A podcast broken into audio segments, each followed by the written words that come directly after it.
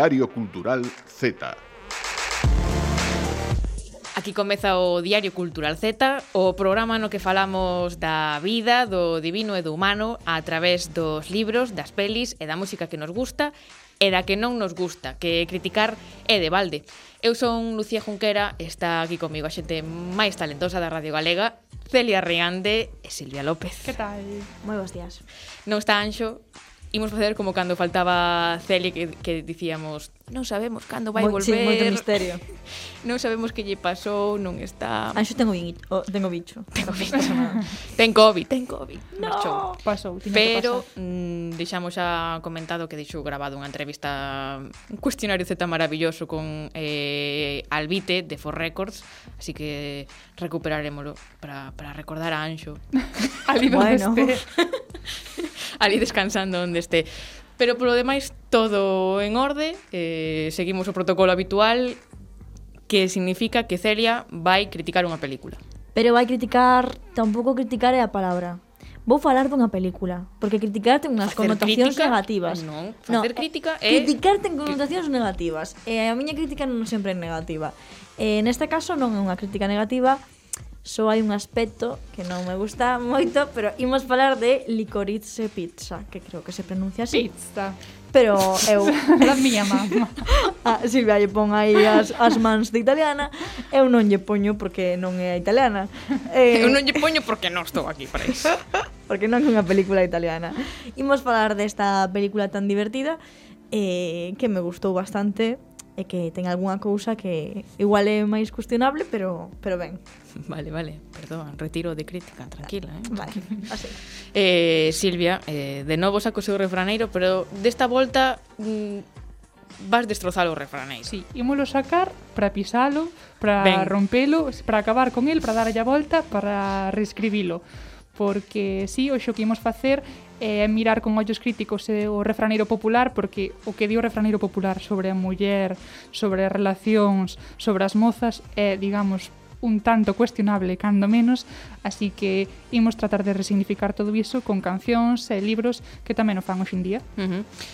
mm, logo, eu vou dar a miña opinión que ao mellor tampouco debería chamarlle opinión, non sei que opina a, a Eu creo filóloga. que si é, si opinión, si porque opinión. opinión non ten connotación é que negativa. É que é un comentario... Non, non, non, Eu máis que... que unha pregunta teño un comentario. Exactamente. Vou facer un comentario, opinión, chamea de que queirades sobre a, a guerra, non sobre a guerra, senón como a cultura nos conta a guerra, uh -huh. así que, bueno, vexamos se podo aportar algo. Eh, despois teremos por aquí aos nosos eh, colaboradores habituais que esta semana serán eh, Tamara Andrés, que nos vai falar das residencias artísticas eh, da Cidade da Cultura, e tamén a Brais Romero, que vai comentar o programa de stream que fai Pablo Escourido, así que comezamos.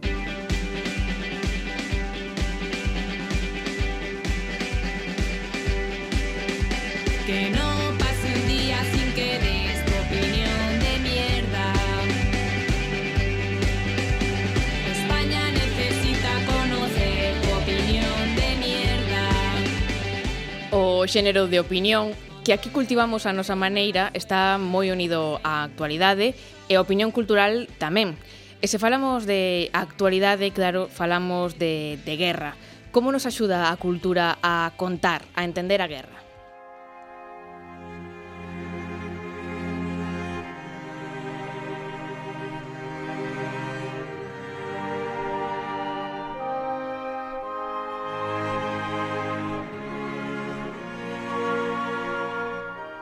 xornalista cultural Laura Barrachina confesaba estes días no seu Twitter que se sentía absurda escribindo textos sobre cómics, sobre novidades literarias, discos novos, o tempo que pedía, por favor, que non se deixasen de facer cómics, novelas e discos.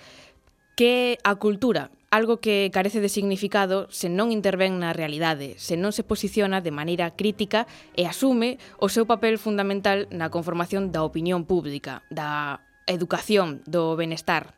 A arte, en tempos incertos, axuda a entender mellor o mundo. En tempos de guerra, é tamén testemunho ao xeito dun artigo na prensa, dunha reportaxe na radio ou unha entrevista na tele. E non é de agora. Como coas guerras, o mundo ten xa moita experiencia no tema. Escuitamos, por exemplo, esta obra de Tchaikovsky, a Obertura 1812, creada nun contexto de guerra e que apela ao orgullo, neste caso eslavo, fronte ao invasor. Pero tampouco hai que sair de España. Recordamos o Guernica, probablemente a maior obra de arte inspirada no horror e na destrucción dos conflitos armados. Neste caso, desa vila vasca bombardeada polos nazis durante a Guerra Civil, pero moito antes diso, se alguén plasmou a eternidade e eh, a violencia da, da guerra no noso país, ese foi Goya, para moitos o primeiro reporteiro de guerra antes de que tal cousa existira.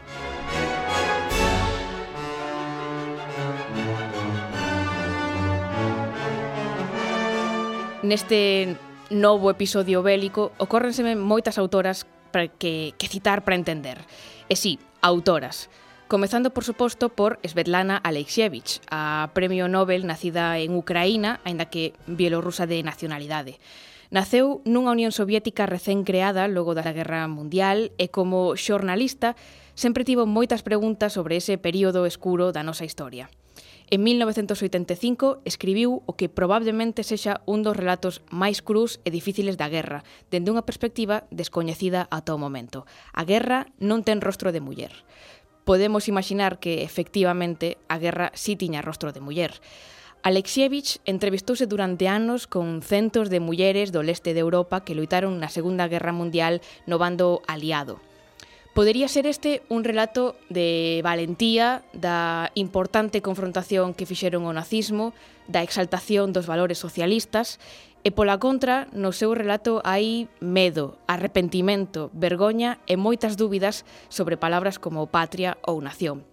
Por todo isto, tivo que enfrontarse parágrafo a parágrafo á censura do goberno bielorruso, o que parecía molestarlle que non ratificase a propaganda belicista oficial. Tampouco lle faltan comentarios sobre Putin. Para saber máis, hai que ler A fin do Homo Sovieticus. E unha segunda autora, a que sempre convén citar cando se fala de guerra e da maldade do mundo, é a filósofa alemá Hannah Arendt. Preguntámonos moito estes días que pode pasar pola cabeza de alguén, nomeadamente Vladimir Putin, para invadir un país e matar a conciencia a miles de civís como a ti e como a min. En que está pensando? Hannah Arendt tiña esa pregunta moi presente durante o xuízo do oficial nazi Adolf Eichmann, responsable da solución final e, polo tanto, da morte de milleiros de xudeos. Eichmann foi xulgado en Israel nun proceso televisado e seguido de preto polos medios de comunicación a principios dos anos 60. Xulgado e condenado a morte. Deste episodio, Arendt escribiu Eichmann en Xerusalén, un estudo sobre a banalidade do mal, no que chegou á polémica conclusión de que este Eichmann era un home calquera.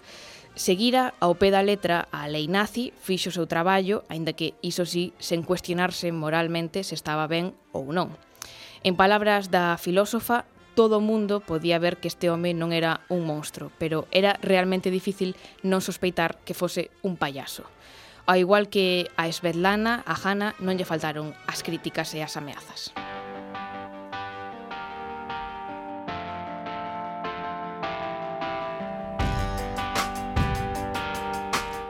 Podemos saber moito de historia, de literatura, de política, que cando ocorre algo así, así como a guerra, non hai disfraz de experta en xeopolítica que poida vestir.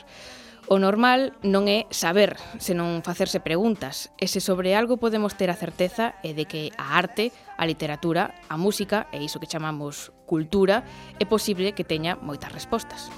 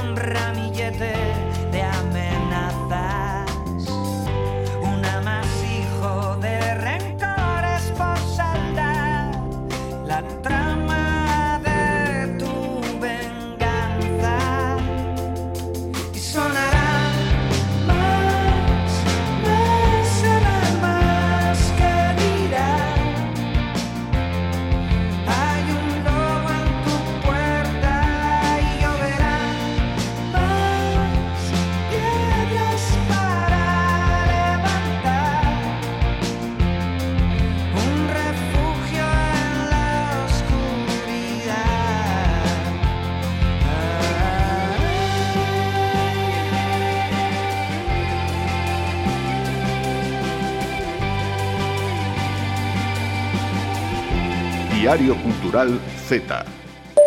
Tu vida existencial. Eh, como facer que ver pelis e series no sofá se son traballo? Hola, Celia. Hola, Lucía. Saiches do sofá, porque desta volta foches ao cine. Fun ao cine. Eso conleva un esforzo extra. É que tiña moitas ganas de, de ver esta película.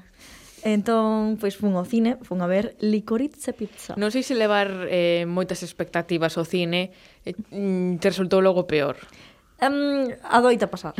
eh, non, a ver, a peli gustoume. Licorice pero... pizza, eso, eso os italianos que tal lles parecerá? Non sei, non sei, tampouco entendín moi ben. Peor que a pizza con piña. De onde ven este nome, eh, conste. Igual son un pouco lenta, non entendín a refe. Eh, de todos xeitos, bueno, a peli está guai. É do 2021. Venga, ata logo. Concluímos, non. É do 2021 de Paul Thomas Anderson. Eh, eu non Nivela. coñecía persoalmente o director. Mm. Eh, estou pensando en algunha película para facerme a inteligente e a culta e non me sae. No, eu non... A de esta do petróleo. Bueno. Continúa. vou a buscar para dicila porque agora vou quedar mal. Vale. A, mm, a película trata da historia de Alana Kane e Gary Valentine, de como medran xuntas, Eh, e acaban pois namorando no Val de San Fernando no 1973. Boa época. A ver, eh, a peli é moi divertida, pero eh, parte xa dunha premisa que a min non me acaba de mm, gustar demasiado. A ver. Que a diferencia de idade. Eh, a ver, A ver, os actores fan un traballo maravilloso. De feito, chamoume moitísimo a atención que a Lana, que creo que é, é o seu nome real tamén, eh, non era actriz. Eh, seu... é, é cantante, é cantante ou sí. música ou non sei. É cantante. Eh, fai un traballo, bueno, é que de feito o papel está feito por bueno, non por ela, pero sí que en colaboración co director é para ela, uh -huh. porque porque o director pensou neste papel xa xa con con Alana na mente e notase e ela fai un papelazo. A ver, a peli mm, é moi bonita, mm, sí que ten ese, esa, esa inocencia, esa, ese, esa luz dourada ¿no? dos anos 70 sí, en, en Os Ángeles. Claro, é que esa ambientación desa época claro, que, xa... que a nos nos queda lonxe, pero temos ese imaginario de dos mellores anos, non? De antes de que todo se estropease. Sí, tamén é tamén é discutible isto, porque quero decir, sempre romantizamos un pouco o pasado, non?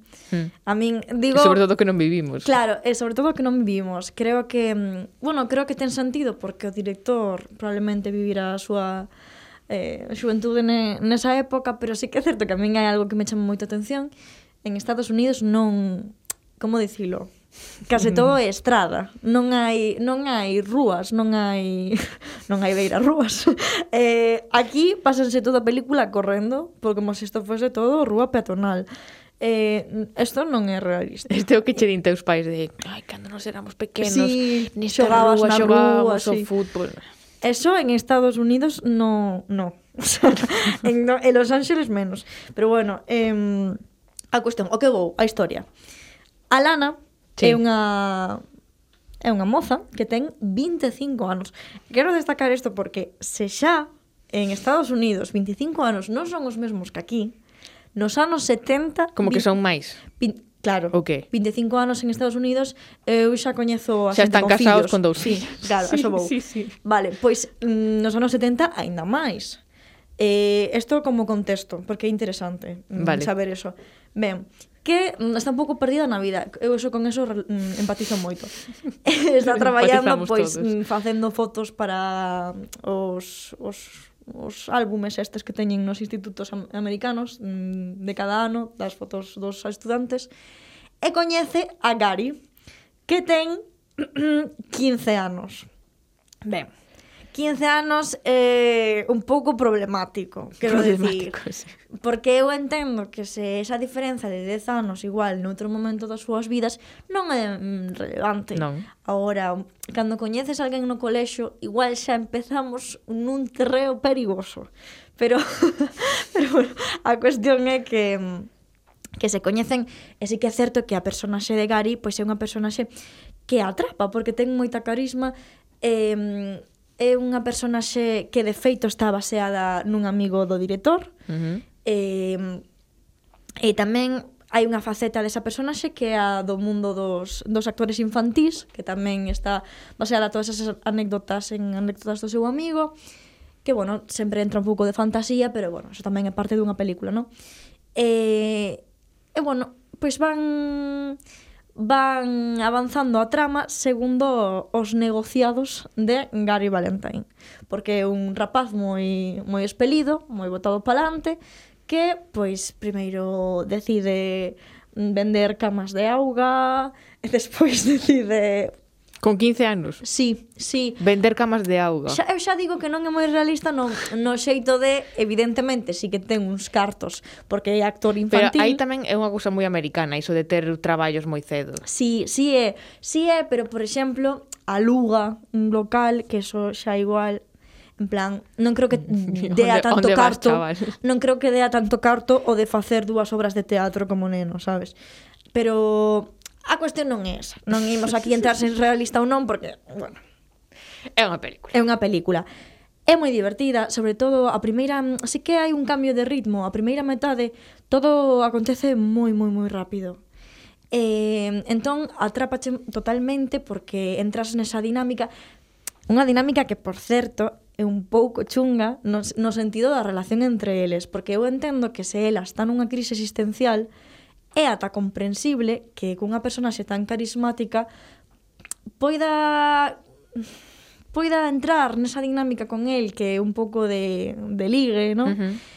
Pero máis ben dun xeito platónico. Podo entender que se te estás moi perdida, igual, pois un rapaz che presta moita atención, che romantiza, e a ti pois, te pode gustar a atención, que eu... Bueno, ou como che trata, ou o que sexa. Que pasa? Que logo xa entran nunhas dinámicas de eh, pois eh, vouche poñer celosa ou mm, eh, sabes, E o faino con rapazas que igual teñen 13 anos, que levan brackets. Entón, é un pouco é un pouco raro. Que tes en contra dos brackets? No, non teño nada en contra, está moi ben na súa idade, pero se tes, se ti tes 25 anos e estás te poñendo celosa de rapazas de 13, é, é un pouco problemático. problemático é para sí. pensar, sabes? Eh, bueno, isto avanza un pouco. Logo hai cousas moi curiosas, eu acontece isto tamén é, é basado en, en na realidade, non? Hai un problema co, mm, coa, coa gasoliña, o sea, como que houve un embargo fai moitos anos en Estados Unidos, eh, cousa que, que eu non, non coñecía, e quedan e quedan sen gasoil durante bastante tempo, isto axuda a trama, e son cousas curiosas. Axuda a trama como? Axuda a trama, non vou contar todo, pero axuda vale, a trama vale. e faino divertido e de feito, bueno, pois pues logo se vese que isto pasou de verdade, sí que é curioso. Eh, o que vou. Ao final metense en política, isto tamén é verdade. Ah, falando que, da, do gasoil dese tema, que me acabo de acordar da película, que fixo Paul Thomas Anderson eh, non, non sei se antes, unha sí, das, das sí. que era sobre o petróleo sí, adiante. se chama Pozos de Ambición vale. que me acabo de acordar agora Eh, hai, hai xente que hai xente famosa que colabora nesta película pero non fan un bo papel. Como dicilo? A ver, quen? Como dicilo? É que non me sabe o seu nome. Ti sigue, eu busco, eu son aquí a Wikipedia. Fai un papel Galipedia. lamentable, o sea, eh, porque a personaxe xa é lamentable, eso quizás sexa o que menos me gusta da película, porque recordame un pouco as personaxes de Don Look Up, Bradley Cooper, que Bradley Cooper. Sí, que guapísimo. Foi máis rápido Ramiro. Vale. Eh, pois fai unha personaxe que é un pouco rollo a peli de Don Look Up, que intenta ser como paródico, pero eh, bueno, demasiado obvio. A, a cuestión, a película é moi divertida. A película é moi amena e eles fan un papelón. Que pasa? Que eu pensaba que sí que iba a quedar nun, nunha relación máis así platónica entre eles.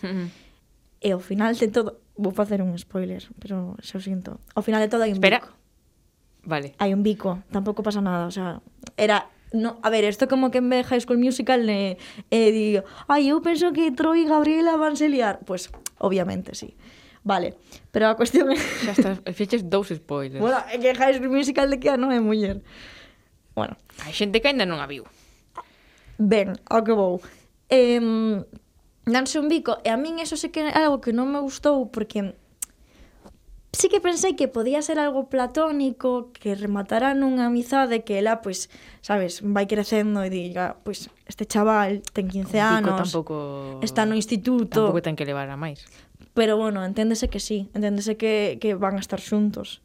E, pff, isto xa é un pouco complicado, eh? porque ao final hai unhas relacións de poder que a min, que a min non me gustan nada. El segue no colexo, e que está no colexo, non está nin no instituto. Bueno, non sei se está no primeiro curso de instituto, como vai ali, pero é que é que é unha cousa... Claro, ela ten que conducir a todas partes ao, ao rapaz, porque... Me... Ah, claro, ali e mes, conducen antes, pero ata os 16 nin sequera. Eh, entón é un pouco como a súa nai. Eh, e velos bicando a min non me gustou nada. E si que... Mm, uff, sí que creo que romantiza un pouco toda esa relación como é algo moi tenro, moi moi bonito, tal, pero é un pouco un pouco raro. Pero bueno, o polo resto, a película está ben. A película, claro, está ben feita. Sí, é moi divertida e xa, mm, xa digo, o, os cambios de ritmo que fai, eh, como conta todo, o, o, o papel que fai a Lana, que fai no xenial, que uh -huh. xenial, esa muller é eh, fai no, É, é magnética. Magnética sería a palabra que... que Por descubrimento esa actriz. Sí. E tamén como música. Sí, é maravillosa. E ademais é maravillosa vela porque... Mm, Eh, non quero entrar no rollo de que non é normativa, porque sí é normativa, pero sí que é certo que, por exemplo, non ten unha dentadura perfecta. Sí, eh, vin, eu xusto a crítica que vin, non, o sea, non crítica, senón o comentario que vin mm. alrededor desta película é precisamente como eh, nos acostumamos a que todas as eh, mm. actrices mm. e actores sexan máis ou menos eh, iguais, eh, teñan guapísimas. a dentadura todo. perfectísima. Sí, e ten un nariz, por exemplo, moi grande cousas que igual non estás afeito a ver no cine, cousa que eu agradezo un montón porque sendo unha persona guapísima, uh -huh. porque é guapísima, igual hai moitas nenas que a ven e din, pois non está mal o meu nariz ou non están mal os meus dentes. Total. E podo ser tamén unha personaxe guapa da película da comedia romántica.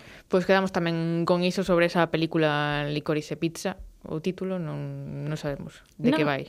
Que se que alguien, que alguien nos contacte para explicarnos el título. Exacto, vale. Pues muchas gracias, Celia. A ti. Diario Cultural Z. eu vou restaurante tomar.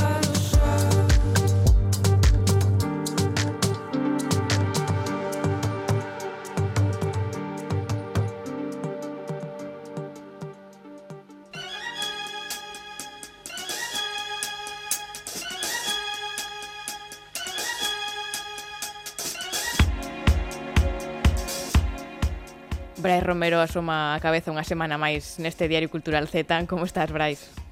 Pois mira, estou farto de cocido, farto de entroido e á vez porque non pode durar un pouquiño máis, non? Exactamente. Pero Exacto. libraches. Bueno, li librar libros si entro de lado polas portas, pero si entro de cara no, a veces... digo, porque costame. aquí na radio traballamos eh, 24 horas o día mm, todos os días, así que non libramos bueno. nin por entroido, ni nada. Teremos unhas máscaras bueno, e... Eu, eu, Claro, eu, eu que vou sempre disfrazado con carata, carauta de payaso, así que xa non a quito ningún día do ano, antroido 100%. A ver, antes de que isto derive en algo peor, imos a, ao noso, a, ao cinema audiovisual, non? E hoxe eh, vernos falar de, de, do novo proxecto de, de Pablo Escourido, non? Imos presentar así un pouco eh, o tema antes de pasar a falar con el. Eh, imos falar de Froma Stream, non? Eh, unha empresa que, que naceu pois desa necesidade de reinventarse un pouco, non? No, no medio do, dese convulso ano que foi o 2020, os eh, realizadores Anxo Miranda e Pablo Escourido pois crearon esta empresa mm, para dar solución ás poucas distancias e restriccións de, de aforo que vivimos por mor desa da, da COVID e que pois pois o audiovisual mm, tamén é industria, non, Brais? Claro, que sempre que pensamos en audiovisual estamos pensando en xente como como que fai televisión ou que fai cinema, non? Pensamos en, en produtos culturais, pero ao final tamén o audiovisual tamén está cheo da xente que dá servizo para que nos podamos ver desde a casa, pois dende un partido de fútbol, pois ata unha, un evento cultural, non? E este uh -huh. é o caso de, de From Stream, que é unha empresa que, como dicías, naceu no medio da pandemia para eh, salvar todas esas distancias de eh, aforos, eh, bueno, metro e medio, etcétera, que impedían que pudésemos estar nos, nos sitios hmm. vivindos e que nos lo traía pois a nosa casa. Mm. Pois para ver como reduciron eses, eses metros, esas distancias, temos xa aquí a Pablo Escaurido, un dos fundadores. Pablo, que tal? Benvido Z. Hola, hola, que tal? Que tal? Moitas gracias por, por a chamada. Grazas a ti. Eh. Contanos como foi ese nacemento de, de Frouma. Bueno, a ver, Frouma naceu eh, un pouco da casualidade. Eh, queríamos ver partidos de fútbol sala gratis, eh, dixemos que, que podemos ofrecer para que nos deixen pasar gratis. Bueno, a, eh, fora coñas, eh, naceu un pouco de, de casualidade, non? Eh, sí que é certo que contactáramos con algún equipo de fútbol sala, en concreto co Santiago Futsal, eh, mm. que agora está baixo de categoría, E, e nada, preguntáronos, e nós íbamos a dar un, un servicio de foto realmente, íbamos a sacar unhas fotos, pero dixáronos, non, fotos xa temos, seríades capaces de facer un streaming? E isto dixaron un, un miércoles e o sábado foi o partido, e en tres días montamos todo e saliu, e saliu ben. Así que desde esa dixemos, hostia, pois parece que sabemos facer isto. Hai camiño. E foi, sí, sí, foi o primeiro paso, foi así o primeiro paso E a partir de aí, pois, vimos unha oportunidade, vimos que había unha demanda, que por mor da Covid, eh, por mor do, dos aforos limitados e as demais restriccións, vimos que había un potencial. Entón, pois, apostamos todo por polo mundo do streaming. Mm. Claro, e aparte, o, o bonito tamén deste, desta andaina, deste proxecto, é que nace da casualidade e nace da casualidade entre amigos, porque ao final sodes un grupo pequeno de traballo. Nun, nun día normal de traballo, digamos, pois nun partido de, de pois, por exemplo, de fútbol sala, cantos estades aí cóbado con cóbado traballando? Pois, bueno, a ver, En principio estamos Anxo, Anxo Miranda, que é meu colega, meu amigo, eh, ele está nas cámaras, eu estou a realización, e logo tamén pois temos xente que de maneira eh, puntual nos ven botar un cable. Pois temos un colega que é un pouco fala barato e nos ven a, a comentar os partidos, pois realmente faino bastante ben e sempre lle molou este, esta cuestión. Temos tamén outro colega que en caso de estar moi apurados en temas de sonido, tamén nos ven botar un cable, pois tanto con material propio del que non lo deixa ou ven a, a, a manejar o tema do a cuestión do sonido e en, en realidad pois pues, seremos catro, cinco personas como moito que, bueno, que nos levamos ben, temos amistad e eh, curramos e intentámoslo facer o mellor posible. Mm. Hai que ter amigos así. Sí. Sempre, sempre. Eh, e aparte, claro, non, non sempre romantizamos, non sempre dis isto de como, ah, Steve Jobs empezou nun garaxe, Bill Gates empezou nun garaxe. Bueno, pois pues, Froma tamén un pouco, digamos, que empezou así. En este proceso que foi a aventura de en cinco días pasar de facer foto a facer un streaming e que agora xa casi van para dous anos facendo isto, cales foron eh, as maiores dificultades que, que atopáchedes en todo este proceso de, de, de aventura, de aprendizaxe? Eh, buf, moitísimas, eh, de todo tipo. Eh, principalmente eh, cuestións, eh, cousas de, de, de internet e de emisión. Nos non tiñamos nin idea desto, nin idea. Eh, sobre a marcha fomos aprendendo eh, a base de, de tropezar. Eh, de feito, houve partidos, o primeiro saliu ben, contra todo pronóstico, o primeiro partido, pero o segundo saiu desastroso. Entón, claro, a partir de, destos golpes, pues vas aprendendo eh, bueno, investigando, preguntando moito, sobre todo temas de internet. Logo xa cousas de que, bueno, pecas de pardillo, de que eres novo, estás empezando e bueno, pois pues temas comerciais, temas de negociacións, temas de, bueno, de facenda, de facer as declaracións trimestrais, bueno, ao final vas aprendendo moito sobre a marcha, pero xa che digo, as, as cousas máis que máis nos costou ao principio, temas de conexión, de emisión, son cousas moi técnicas que nós descoñecíamos por completo. E logo o día a día, o tema do trato co cliente, eh, pois hai que saber, para todo hai que valer, eh, e bueno, son así as cuestións máis máis alentables Bueno, pero para iso tamén está aquí o Z para darvos a importancia que tedes e que non vos pase isto de que cheguedes ali e digan ai, aquí veñen estes chavalitos a, a facer isto do internet, que tampouco é así. Eu, sinceramente, eu coñezo Froma dende o momento no que naceu e é abraiante ver o cambio e a progresión que hai. E é moi bonito ver ao final, pois, do que falamos sempre no Z, non? De aprender valorando mm. o erro. Ás veces hai que tropezar para non tropezar outra vez na mesma pedra. E sobre toda esta, esta circunstancia que estamos vivindo e que foi un pouco que detonou eh, que nacera Froma, ¿no? que foi evidentemente a, a pandemia, como valorades desde, desde dentro eh, a situación actual? Agora, pois, por exemplo, que se están eh, abrindo máis eh, os aforos, que xa non hai este tipo de problemas de pois, ter que verlo dende a casa, credes que, que os streamings agora van a pegar un baixón ou credes que hai xente a que, a que lle gustou e que agora quere este servizo? A ver, eu penso no tempo que levamos facendo isto é que o streaming veu para quedarse. Haberá moitos que decidan non continuar co tema do streaming, pero haberá outros moitos que tamén queiran continuar, porque eh, ven o que faz, gustalles, eh, quedalles un bo recordo, e din, hostia, pois merece a pena continuar con isto. Evidentemente, o, a, que se quiten as restriccións, que, que mellora a situación da pandemia e todo isto, vai influir, evidentemente. Xa, xa nos pasou de que, bueno, non deixarnos de chamar algunha, algún cliente, pois pola lógica de que xa non hai restricción, se pode meter xente no, no salón de atos ou no pabellón ou onde sexa.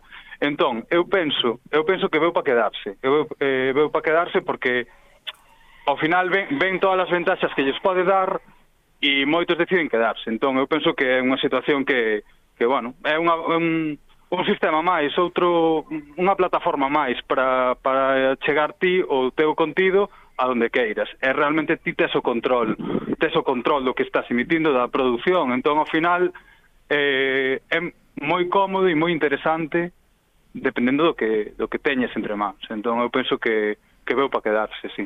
Uh -huh.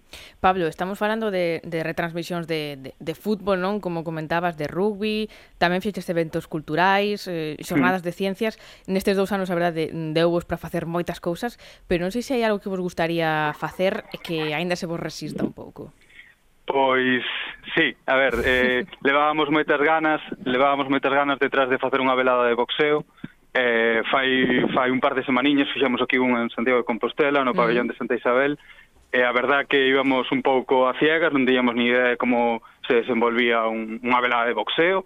Eh, fixémola, quedou ben, quedamos todos moi contentos e a verdad que sí que nos a, a, tanto a Anxo como a min nos mola moito o deporte sí que nos gusta facer deporte Entón estamos abertos a todo tipo de, de competición deportiva que se nos poña diante. O fútbol uh -huh. gustanos, o fútbol sala gustanos, o rugby gustanos, o boxeo tamén. Entón, bueno, estamos un pouco aí eh, a expensas do que surxa, pero sí que o boxeo era unha cousa pendente eh, que o conseguimos desbloquear fai un par de semaniñas. Pois logo resistencia ninguna.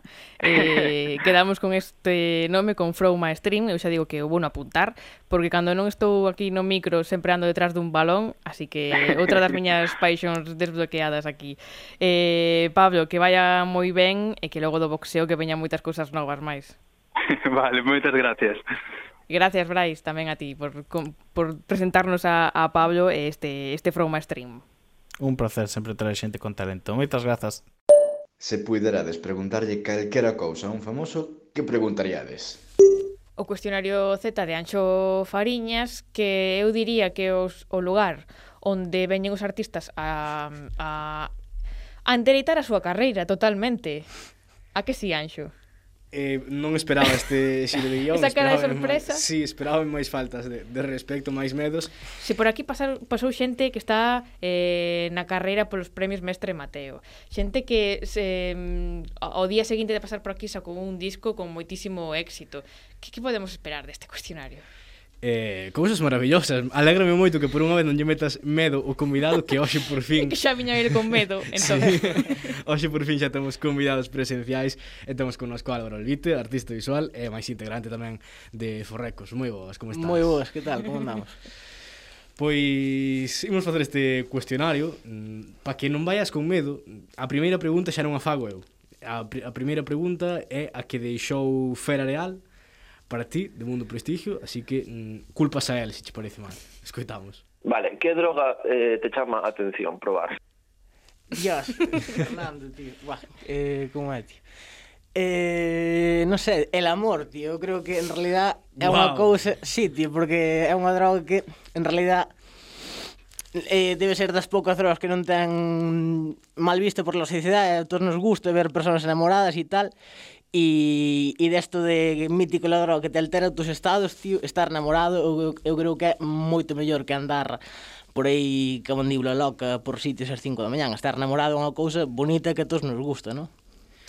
Pois, Seiches ben da pregunta. Seiches moi moi ben, a verdade, un 10, creo que é a, a mellor resposta a, sí, sí. posible.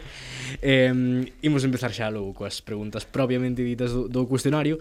A primeira sempre é para que os convidados vos presentedes en sociedade eh, e tamén para pulir falsas modestias non queremos.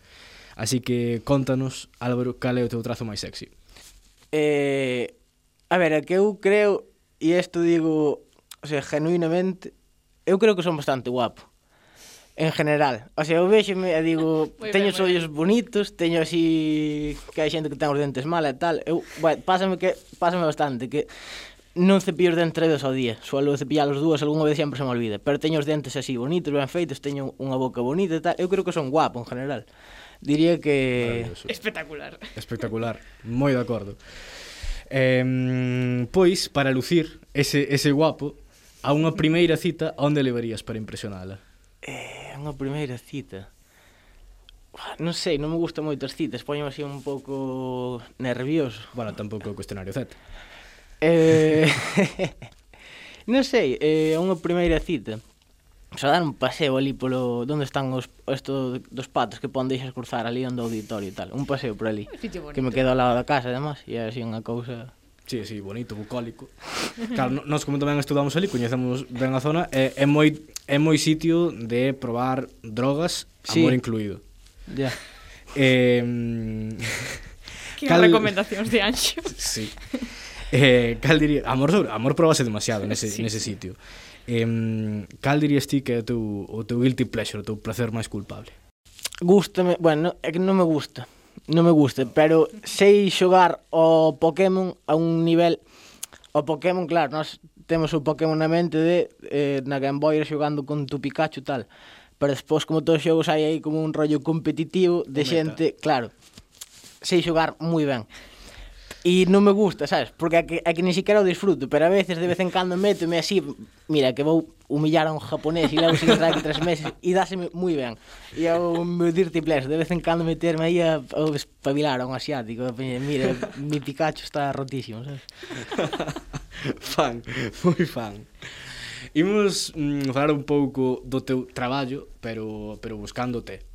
Eh, imos empezar preguntando que é o que o que menos che gusta, o que máis detestas do meu traballo, dios mío, o sea, bueno, que o meu traballo en realidad é un pouco difuso, de que traballo, non sei, autónomo son, eso seguro, pero o meu traballo, claro, que non que odio pagar autónomos, odio, o sea, non odio os impuestos, odio que os teño que pagar eu. Parece, os impuestos parecen moi ben e canto máis progresivos mellores, pero joa, que pagan os ricos, eu non podo pagar nada nunca, as, é imposible que eu pague, senón non, non, eu non me podo manter.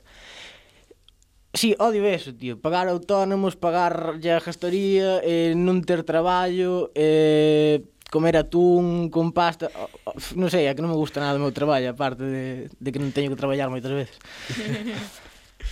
Em, a verdade é que se tivésemos que valorar, se tivésemos que poñer nota, está che saindo de sobresaínte polo de agora o cuestionario.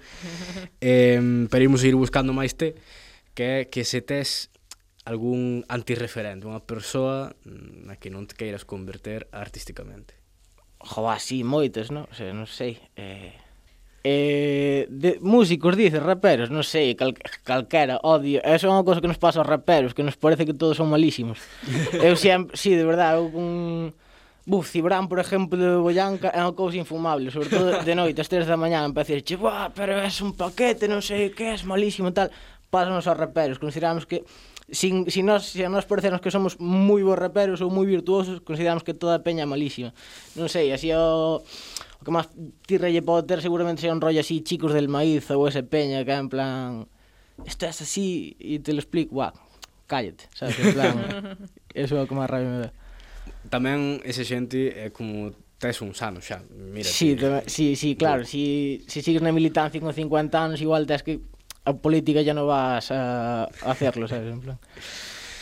Mm, agora co de Cibrán, recordáchesme, eh, eu fixen unha selección tamén de, de outras preguntas que deixaron, porque a mí o que se me daban sobre todo que roubar preguntas. Eh, houve unha que deixou Cibrán que me impactou, entón quero ver tamén, xa que razoaches tan ben con outras preguntas, cal é o teu razoamento ante, ante que deixou Cibrán para o seguinte convidado, pero quedeima. Eh, a pregunta era, ti es desas persoas que usa champú po todo o corpo ou eres desta xente horrorosa rarísima. que utiliza rarísima champú pa cabeza e xel para o corpo. No, eu uso champú pa cabeza e xel pa corpo, por... eu teño psoriasis. E entonces cada un coste 20 euros e teño que ter un distinto para cada cousa. E de feito, si te despistas, cando vas salindo chamando a comprar outra cousa que se chama lactato, porque eu, eu eso non comprei, porque a primeira vez xa non comprei máis. Pero entonces eu teño que usar por obligación champú e gel, as dúas cousas. E se non fose así, tamén o faría porque, jová, o... Non sei, se pon papel é papel e se pon pa, sabes, non sei, non sí, llevo quitar a razón aos farmacéuticos, a razón aos farmacéuticos, non, non sei. A non ser que a pregunta tamén nos deixou un pouco un pouco boados, a verdade. Em vale, imos seguir eh, plano anécdotas. Cal dirías ti que foi o maior ridículo que cometiches? non sei, tantos. Mira, o último, o último bolo de foga a semana pasada estuve cantando toda a bola sen autotune. Hostia. Claro, y Sí, no, ti ríeste, pero que claro, ti igual te, non é o mismo ver cantar no, ríese auto... porque vou ter que editar despois os te cantar Non é o mismo ver cantar sin autotune a Rosalía ou a Tipei ou un Destras que tal que, que a min, que eu Eu canto Deus mal, pero moi mal, sabes? Moi mal. E estuve cantando voluntarios en autotune. Non escoitaba moito, tiñamos un monitor pos 4 e ende, bueno, Está ben despois... dicir iso tamén, eh? Buf. Dicir que canto mal. No, no, canto hor horriblemente mal. Despois a ver isto en Instagram, de feito, xa nin a repostei, foi en plan, corazón, muchas gracias por venir al bolo, tal, pero non vou compartir isto en redes porque non... no. Eh, falando tamén, seguindo co dos cartos e do que, que serías capaz, eh, Dani Cornes preguntara unha cousa moi interesante, que canta pasta... Sí, canta pasta che terían que pagar para que te botases eh, en patinete polo gallas abaixo. Pois pues nin tanto, eh? Verdade, a mí parece un atractivo. O sea, en patinete, además, non é o que ten o manillar arriba. Sí. Pois fácil, eu que sei, 500 euros. Tampouco... O sea, non me parece tan loco tampouco, sabes? Sí, eu a verdade pensei só que me cubrisen os gastos médicos por si parto unha perna, porque sí que puxo como... E sen apoio para as mans? Tamén, pois vou sentado no outro, o sea, que non me parece, o sea, non lle teño tanta precia ao meu físico en realidad, sabes, a levar golpes e tal, non. Eso que dixetes que eras moi guapo. Sí, pois pues, igual. Aí se rompe los dentes. Mm, vale, pois imos facer así a pregunta a pregunta que deu pé a este cuestionario nos seus inicios que se fixo entre xente mm, do noso equipo que é con que banda sonora tiveste a tua primeira vez? Eh, con, o sea, sin música, sin música. Xente normal. Normal, mm, xente sí, normal. Bueno, así que, o sea, bueno, non, non vou contar. Bueno, vou non contar, veña. eh, eu, o sea, para min eso parecíame como moi de película, en plan, hacerle amor con música e tal, non me cadraba nada, pero sí que, bueno, estaba eh, hace un tiempo así con unha chica desto que, o sea, nos conocíamos, pero non nos víamos moito e tal, e así ligando por Instagram tal, un día fixen, bueno, non sei se isto será moi intrusivo, pero Creo que agradeceros todos os poderes. Fixenlle, fixen unha playlist, chamase Playlist para follar. E mandei, dixenlle, va, mete canciones aí e tal. E, e ahora usámoslo de vez en cando. E está bastante bien. Son así canciones, además románticas, rollo fra francos e en cousas así, así bonitas e tal. E bueno, non, non está mal tampouco con música, non sei. Está, está ben, está ben. Compramos, compramos. Pois non sei que che pareceron as nosas preguntas, se mm, quedas máis tranquilo do que viñas, que igual viñas con algo de medo. Bu, sí, porque pensei que iba a decir animaladas e, e non dixen tantas tampouco. O sea, estou... non, agora eu vexo de, de sobresaínte o cuestionario. Pois, mm, para, para seguir eu roubando preguntas, eh, porque sempre son ideas novas, gustaríame que deses tamén para afrontar ese medo que tiñas, un consello para o seguinte convidado e tamén unha pregunta que, que teña que teña chicha. Eh, un vital, un consello vital. Para afrontar este cuestionario. Para afrontar este cuestionario, eh, pois pues non sei, eh, vir tranquilo, tío, porque onta noite puxeme, eu isto a verdade non controlaba moito. E puxeme monte noite, e a verdade vin nervioso, porque dixen, dios, que ni malas de preguntas, vou dicir unha barbaridade, vai non escutar miña nai, que miña nai traballa escutando radio. Sin o que, que mal, que ansiedade e, e que non se informe moito, que veña así o máis desinhibido posible. E un consello mm, no, digo un consello xa, ahora que tiña que sí, facer. a pregunta. Ah, unha pregunta. Eh, e can é o... Pro... Claro, non sabemos. Non sabemos. Unha pregunta. Mm... Non sei, can é a persona así máis guapa do Mamoneo Galicia, entendendo Mamoneo como músicos e, bueno, todo o que ten que ver con presentadores e presentadoras do luar e, e ese espectro, claro.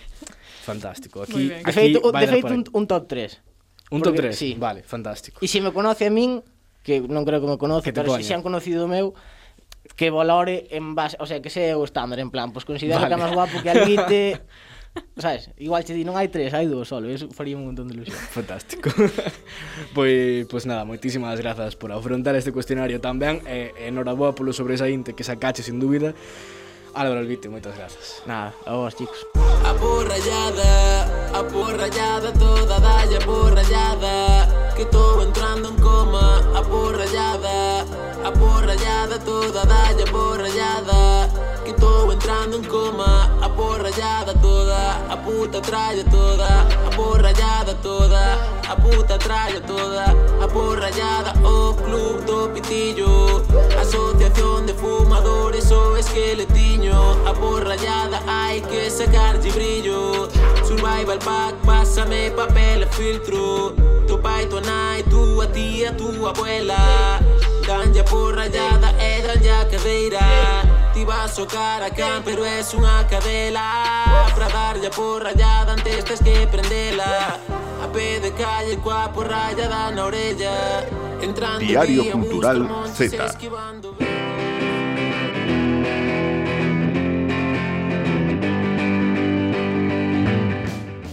A ver, vos, que vos credes moi modernos. Iso xa o dicían os vosos avós hai 60 anos. Eu viña toda mentalizada para decir o refrán de Silvia, preparadísima. Viña ca miña libreta co meu bolígrafo e dixenlle Silvia, cal é o teu refrán para hoxe que eu quero apuntar para dicilo perfectamente no Diario Cultural Z e sáltame con que trae non sei cantos refráns e dixenlle, non, non, non, non, non, non te pases tanto, por favor, que a miña memoria ten eh, uns límites, uns límites. Trae moitos refráns e ningún ao mesmo tempo, porque sabedes que eu recurro moito ao refraneiro, á cultura e á sabedoría popular, pero que iso non quere dicir que non sexamos críticas con todo iso, porque sí, é certo que moitas das cancións que cantamos hoxe, moitos dos libros que leemos, das series ou pelis que vemos, axeitanse moi ben ao que dicían os nosos avós, como dicía o audio de antes, pero é que, afortunadamente, a xente nova tamén estamos aquí para dicir cousas que non se dicían antes, para dicila do, para dicilas de outro xeito, porque os tempos mudan, bendiciones, e eh, tamén mudamos nos, e menos mal, así que si, sí, no Diario Cultural Z somos moi do refraneiro popular, pero iso non quer dicir que non cuestionemos o saber popular tamén. Eu nin podo, nin quero, nin debo volverme fiar a verdade da estafa legal. Eu xa corto e deserto e me aparto de toda moral. Que aprendí moito máis cuestionando o saber popular nenas xocan con bonecas e os rapaciños con balón. E a mí sacaba máis da caixa o meu veciño Juan Ramón. Que o ateísmo é satanismo porque algo máis terá que haber.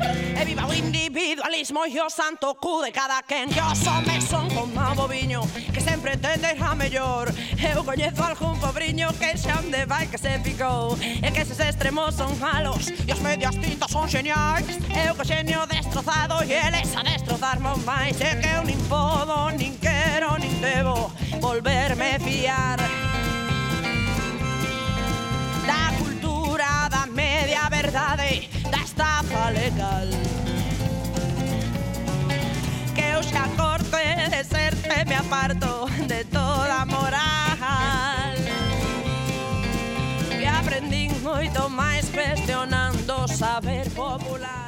Pois sí, porque cuestionando esas cousas un aprende un montón, así que xa que estamos no mes de marzo, eu quixera aquí abrir un oco para mirar, para mirar con ollos críticos, pero todo o ano, E iso que di o refraneiro popular sobre a muller, e para abrir eses ollos un montón, abrilos como a pratos, porque dice cada barbaridade que, que mete medo porque si a sociedade machista, sorpresa para un total de cero persoas, mm. así que claro, iso tamén se reflectía neses refráns, neses ditos. Mm. Que entón moitas veces legitimaban a violencia. E... Sí, e justificaban dunha maneira brutal.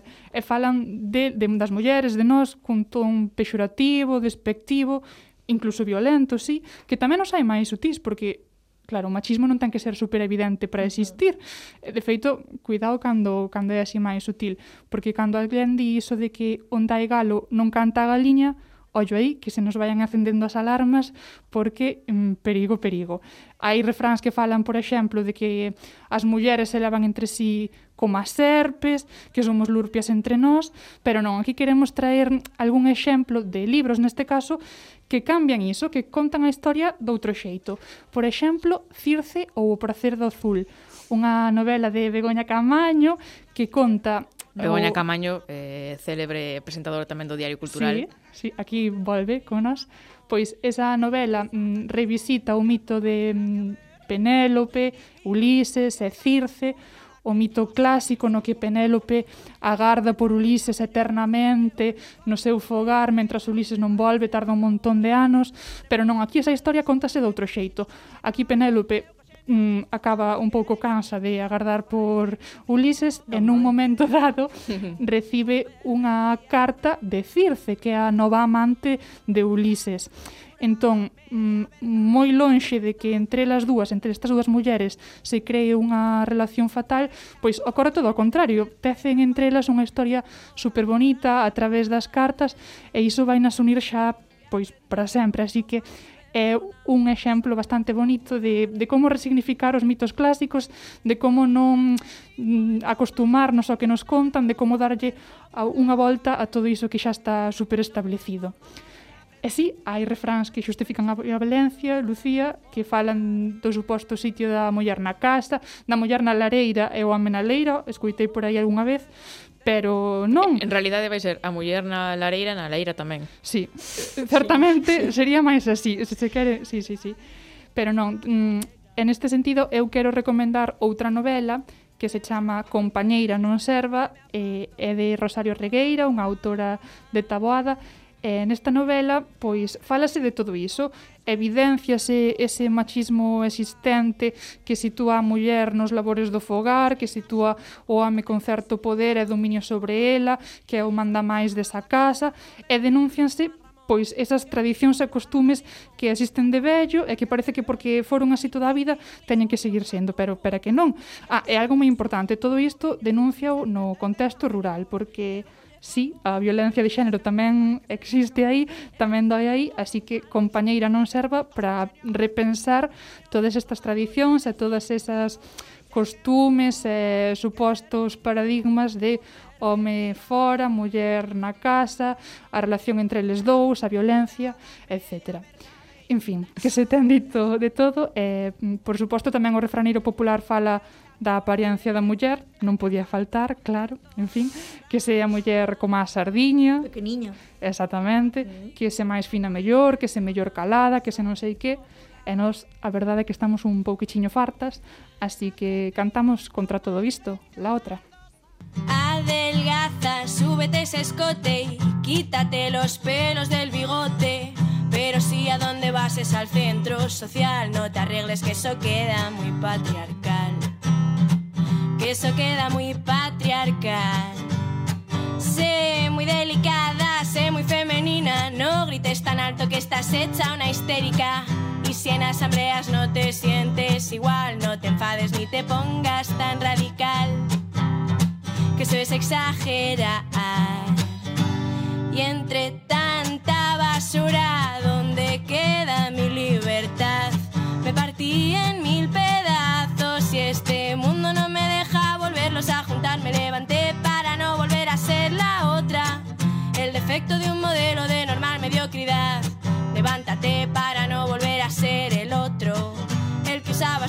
las cadenas para dominar.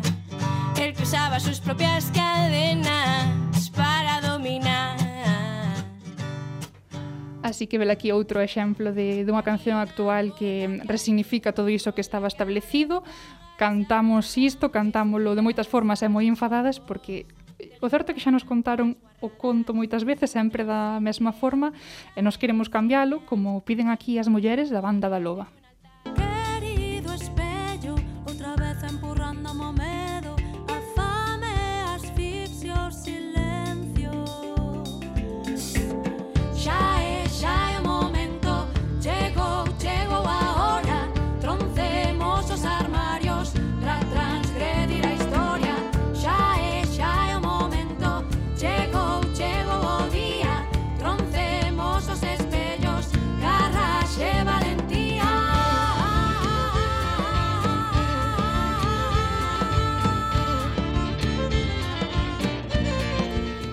Esta canción da banda da Loma da Loba chámase Morro Conto e vaya, vaya, quereme sobar vaya, que alguén das aquí presentes ten un podcast que se chama así, non? un podcast que se chama Morro Conto e no que di eh, con, xa aquí da súa opinión mm, certeiramente sempre. Ah, pensei. e Morro Conto moito máis moi pero, recomendable. Pero recomendámoslo porque tamén ten esa mirada feminista Totalmente. que quere rachar claro. co establecido. E xa aproveitamos tamén para falar do outro podcast de Radio Galega Podcast.gal no que tamén se fala disto, que é o Moito Ollo de Ana Galloso, uh -huh que ah, pois afonda en cuestións de igualdade e que procura pois precisamente iso, romper con todo iso que se nos leva dicindo anos sobre estar caladas, sobre ser boas, sobre a desgraza de ser so de quedar solteira e moitas outras cousas. Así que, en definitiva, hoxe viñamos aquí poñer patas arriba o refraneiro. Reescribilo. Darlle a volta por completo, cuestionalo, revisitar eses ditos, eses refráns e actualizalos porque chegadas ata aquí sabemos que nada é imposible e que siga o cambio. Llegadas hasta aquí, sabemos que ya nada es imposible y que aquel dolor solo quedaron cicatrices. Cambia todo lo que toca, como nos cambia el viento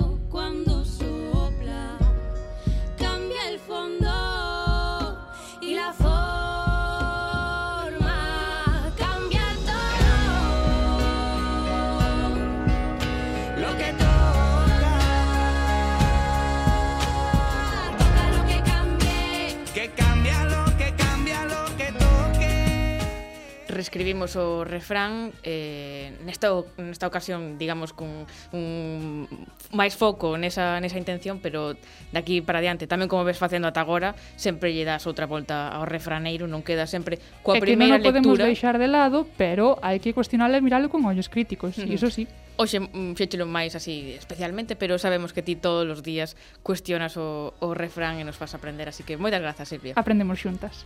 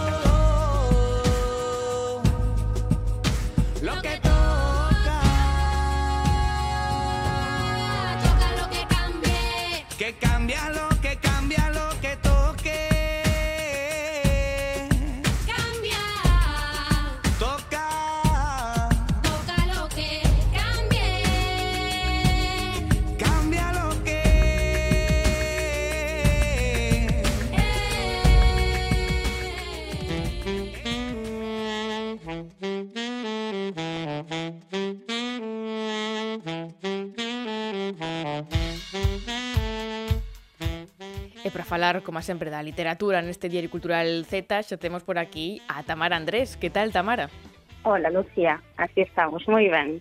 Hoxe estou ilusionada. Ai, moi ben. Non no sempre estamos ilusionados cando, cando pasas por aquí, por este Z, pero hoxe tamén porque venos falar dun tema que, que ademais é, é moi interesante tamén para estes novos creadores que, que pasan por aquí, como esta a residencia literaria da Cidade da Cultura, non? Contanos. Efectivamente, dicía Lucía que estaba ilusionada e que hoxe é a primeira vez que recuncamos a persoa convidada nesta sección e iso estive pensando estes días que quere dicir dúas cousas, non? Que o Z xa ten certa trayectoria, iso sí. é certo, e tamén que hai proxectos literarios como este da residencia literaria da Cidade da Cultura, novidosos, eh, que teñen continuidade e, e que sen dúbida motivo de celebración. Por suposto falábamos con Javier Peña xa o ano pasado, no mes de xuño, sobre esa primeira eh, edición da, da residencia, eh, poucos días antes de que se puxese en marcha, e hai uns días soubemos da convocatoria desa segunda edición, así que temos connosco a, a Javier Peña, que é o director, para conversar por unha banda sobre os froitos da primeira e tamén sobre esa segunda edición que está por vir. Mm, pois saudamos a, a Javier Peña. Que tal, Javier? Hola, ¿qué tal? ¿Cómo estades? Mil grazas por pasar por este Z e eh, parabéns por esa segunda edición do, das residencias. Eh, grazas a vos. Eh, na verdade é que estamos moi ilusionados co, coa continuidade do proxecto, ¿no? que mm. penso que, que nestes proxectos culturais é importante poñelos en marcha, pero aínda máis importante poder darlles continuidade e que, pues sí. e que medren. ¿no? Totalmente.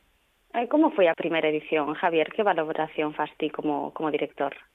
A verdade é que foi ainda mellor do que do que eu esperaba, non? Eh, tiña moitas expectativas postas nela e eh, pero non sabíamos moi ben como podían ser esas, eh, esas sesións nas que discutíamos as, as novelas ou sobre as novelas do, dos participantes, porque a verdade é que é algo mm, bastante novidoso, bastante extraño, non? Tiñamos ali a, a Berta Dávila e Sara Mesa que alucinaban co que estábamos a facer ali, dicían eh, eh que isto eh, eh de falar das novelas unha vez escritas é, é, é habitual, pero falar das novelas mentras está escribindo non o, non o viramos nunca, non? Entón, eh, eh tiñamos a dúbida de como podía sair, e, eh, eh, aquilo foi un, un, un, un sair de eh, ideas por todas partes, non? A verdade é que eu eh, alucinaba co, coa, co talento que temos en Galicia e coa cantidade de, de ideas que xurdiron desa, desa eh, reunión no de tantos talentos.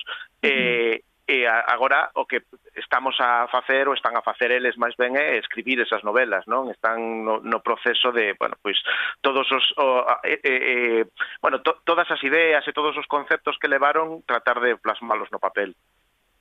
Em, ímonos centrar un poquinho xa nesta segunda edición, polo que lemos nas bases, seguen ten, segue, seguides tendo o mesmo espírito, non, Javier? Em, imos intentar resumir un poquinho as características dos proxectos que ides axudar a desenvolver. Son proxectos de narrativa, redactados en galego ou en castelán, poden estar, estar nunha fase inicial ou mesmo xa rematados, e é importante tamén salientar non o feito de que no xénero narrativa vos tamén tendes en conta o relato, non sei se había moitas propostas de relato ano pasado. A verdade é que non había ningún, hai que todo hai que dicilo. É que eh, o relato eh, é moi interesante, pero gustaríanos eh, propostas de relatos eh, digamos que os relatos estiveran relacionados entre sí que houbera un, un fío inda que sexa eh, moi eh, suave, non? Eh, bueno, pois como estes libros ás veces que, que atopas no que, bueno, pois cada relato dun membro dunha familia, por exemplo, etc. Eh, porque nos resulta máis fácil traballar eh, pois con, con relatos que teñen un fío e poder desenvolver, porque senón eh, analizar un, un relato cada día ou algo así, eh, penso que, que tería menos interese non para, para, para ese traballo na, dentro da, da, da residencia.